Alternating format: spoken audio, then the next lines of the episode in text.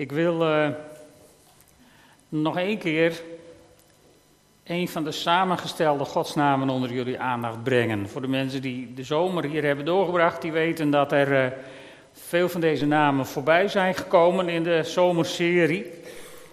En die wil ik vandaag afsluiten. En die naam die staat in het boek Ezekiel. En voordat ik bij die naam kom, wil ik even met jullie kijken naar de persoon Ezekiel en even naar het Bijbelboek Ezekiel. Goed, Ezekiel. In 605 voor Christus, dus over die tijd praten we. Uh, het, uh, het, koninkrijk Israël, dat bestaat inmiddels niet meer, maar het koninkrijk Juda, dat bestaat nog wel. En onder koning Joachim krijgen ze voor het eerst aan de stok met Nebukadnezar, de koning van Babel. En die komt Jeruzalem een lesje leren. En die neemt de eerste lichting mensen mee in de ballingschap. En een van die mensen, de bekendste voor ons, is Daniel. Je kunt daarover lezen in Daniel 1, vers 1 tot 6. En uh, Joachim, die wordt dan afgezet als koning. En uh, Nebukadnezar stelt een andere koning aan, Joachim, met de N van Nico in dit geval. En Joachim, die, die komt ook de afspraken met Nebukadnezar niet na. Dus er komt een tweede strafexpeditie naar Jeruzalem. En in 597 voor Christus gaat de tweede lichting, met name notabelen uit Jeruzalem, in ballingschap. En de bekendste van hen is denk ik zo'n beetje Ezekiel.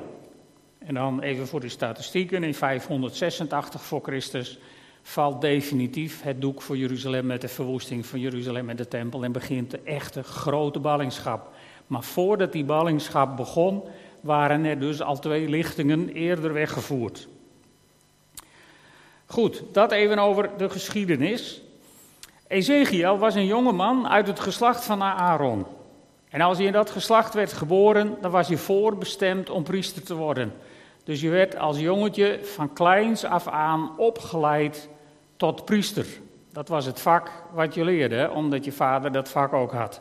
Dus Ezekiel was getraind om priester te worden en dat werd je op je dertigste.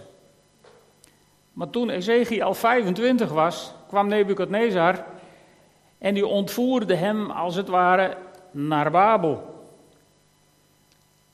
Weg van de tempel. Weg van zijn toekomst, weg van zijn droom om priester te worden. Einde oefening zou je zeggen.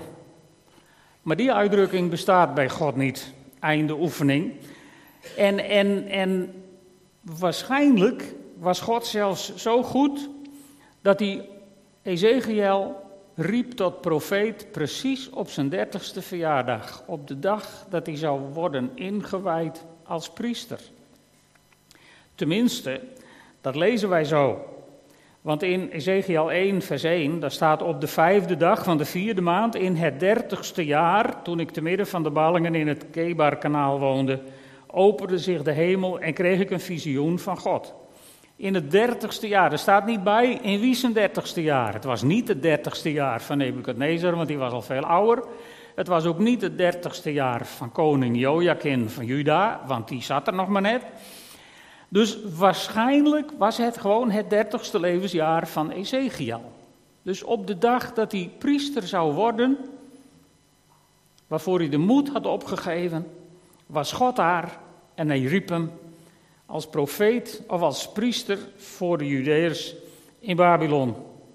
En daarmee introduceert Ezekiel een heel nieuw concept in het denken van zijn volksgenoten.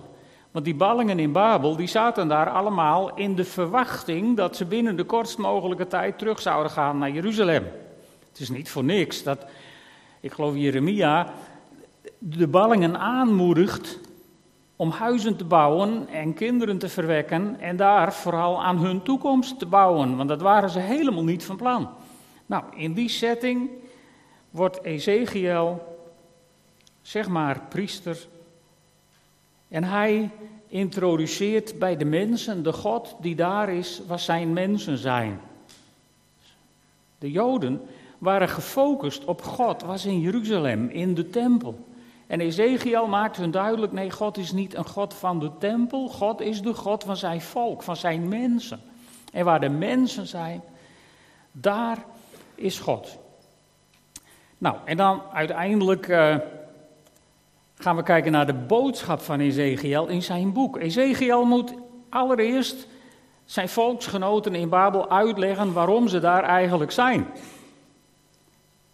En hij moet ze, ja, dat is een ondankbare boodschap, hij moet ze duidelijk maken dat het hun eigen schuld is, dat ze daar zijn, dat ze in ballingschap zijn geraakt, omdat ze zich gewoon niet aan de afspraken met God hebben gehouden en, dat God dit als straf over hen heeft gebracht. En uh, het wordt nog anders, want in zijn visioenen, Ezekiel die krijgt een heel bijzonder visioen. Als je wilt moet je dat boek maar eens lezen. Dat gaat over wielen en ogen en dingen. En als je er een plaatje bij probeert te maken, dan gaat hem dat niet worden. Dat moet je ook niet proberen. Maar je moet even kijken wat er in grote lijnen gebeurt. En daarin neem ik je even mee. In Ezekiel 10, vers 4 ziet Ezekiel hoe de heerlijkheid van God uit het heilige der heiligen, dus vanaf het verzoendeksel op de ark, vertrekt naar de buitenste voorhof. De buitenste voorhof was de plek waar ook de heidenen mochten komen. Dat is een preek op zich zou dat kunnen worden, hoe God toegankelijk wordt, ook voor andere volken. En even later ziet Ezekiel in hoofdstuk 11, vers 23, hoe de heerlijkheid van God zelfs de tempel verlaat en zich vestigt op de Olijfberg, de plaats waar de Heer Jezus terug zal komen bij zijn wederkomst. Dat is ook bijna een thema op zich. En dan aan het eind van dat visioen, dan ziet Ezekiel hoe de heerlijkheid van God zich terugtrekt in de hemel. Gruwelijk voor een Jood, maar dat is wat hij ziet. Dus hij moet als profeet Israël Gods oordeel aanzeggen. Maar voor alle volken die dat grappig vinden, volgt vervolgens een veel harder oordeel. Daar moet je maar eens op letten in Ezekiel. Hè? Ik denk dat de omringende volken, die hebben een feestje gevierd, omdat Israël in ballingschap werd gevierd, omdat het slecht ging, omdat Jeruzalem werd verwoest. Dat is waarschijnlijk een feest geweest voor de volken eromheen. Maar dan komen in Ezekiel de profetieën over de andere volken, en daar word je als lid van een ander volk niet vrolijk van. En, en ik zou het zo willen zeggen, het vieren van de dood van een Jood is een hachelijke onderneming. Ook vandaag nog. Want wat je ook van het land Israël vindt, wat je er ook over denkt, het is en het blijft het volk van God. En voor het volk is er ook hoop. Dat komt in mijn ogen het mooiste naar voren in uh, Ezekiel 37. Voor ingewijden een bekende verhaal van het dal met de dorre doodsbeenderen. Als je geloof hebt voor dorre, uitgedroogde beenderen, dan heb je geloof voor alles. En dat is het beeld wat Ezekiel hen als hoop mag meegeven. En, en zo wil God mensen altijd bemoedigen. Zo heeft hij mij bemoedigd in de, in, in, in de afgelopen twintig jaar dat ik hier in Drachten al, al mijn dingen mag doen. En uh, zo wil hij ook jou bemoedigen in tijden die komen. Zo wil hij ook, Nico en Anneke, jullie bemoedigen. In tijden die komen. Zodat je zelfs, volgens Psalm 23, vers 4, zelfs als je weg door een donker dal gaat, dat je kunt zeggen, ik ben niet bang, ik ben niet bang want God is er. Hij is erbij. In alle situaties. Nou, die hoop, die krijgen de mensen. En dan ziet Ezekiel het visioen van de nieuwe tempel. En in die nieuwe tempel, daar ziet hij iets heel bijzonders, want hij ziet hoe de heerlijkheid van God, die hij uit de tempel gaat zien vertrekken naar de hemel, hoe die terugkomt uit de hemel en hoe die de tempel vult met Gods aanwezigheid. En dat doet je dan denken aan het verhaal uit 1 Koningen 8, de inwijding van die eerste tempel die inmiddels verwoest is. Hè. Als Salomo zijn gebed uitspreekt, dan staat daar, de heerlijkheid van God vervulde de tempel, zodat de priesters niet op hun voeten konden staan. Dus nou, die heerlijkheid die komt terug in het visioen van Ezekiel in die nieuwe tempel. En die heerlijkheid van God, die heeft niet alleen die tempel, die inmiddels ook weer verwoest is, vervuld. Die heerlijkheid van God vult ook vandaag de tempels van God. En het mooie is, dat zijn u en ik. In 1 Korinthe 6, vers 19, daar schrijft Paulus: Weet u niet dat uw lichaam een tempel is van de Heilige Geest die in u woont? Nou, dat is heel persoonlijk bedoeld. De Geest van God heeft jou vervuld. En, en waar die kinderen van God, die vervulde kinderen van God samenkomen, daar zijn gemeentes en die worden in 1 Korinthe 3, vers 16 aangeduid als tempel, waar Paulus zegt: Weet je niet dat je een tempel van God bent, jullie samen, en dat de geest van God in uw midden woont? Dus de tempel van God is tegenwoordig de gemeente op deze aarde, alle gemeentes waar gelovigen samenkomen. En de tempel van God zijn ook de individuele gelovigen, tempels van de Heilige Geest, vervuld met de Heilige Geest. Dat is ook aangekondigd door Ezekiel. In Ezekiel 39, vers 29, daar zegt hij: Ik zal mijn geest over het volk van Israël uitgieten en mijn gelaat niet meer voor hen verbergen. Zo spreekt God de Heer. Tegen Joden, hè, die verwachten dat de heerlijkheid van God weer in het heilige der heiligen zou komen, achter een dik gordijn. Voor iedereen verborgen, voor niemand zichtbaar. En dan zegt God: Nee, ik ga mijn geest uitgieten over het volk.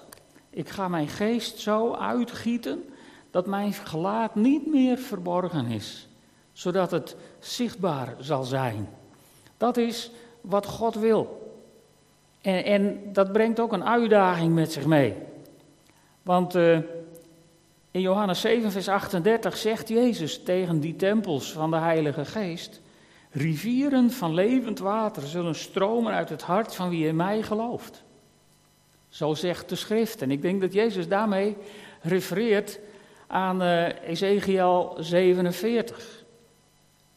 Ezekiel 47, een van mijn meest favoriete Bijbelgedeelten, over de rivier die uit de tempel stroomt. Dus die tempel vervuld met de heerlijkheid van God, daar stroomt een rivier uit. En die rivier die wordt steeds dieper en steeds groter. En, en ik wil je de vraag meegeven, wat mag het met je doen? Die heerlijkheid van God, die uit die tempel stroomt. Wat mag het met je doen? Hoe diep wil je gaan in die uitdaging die God je geeft? Mag het tot je enkels komen, zodat je comfortabel kunt pootje baaien? Mag het tot je knieën komen?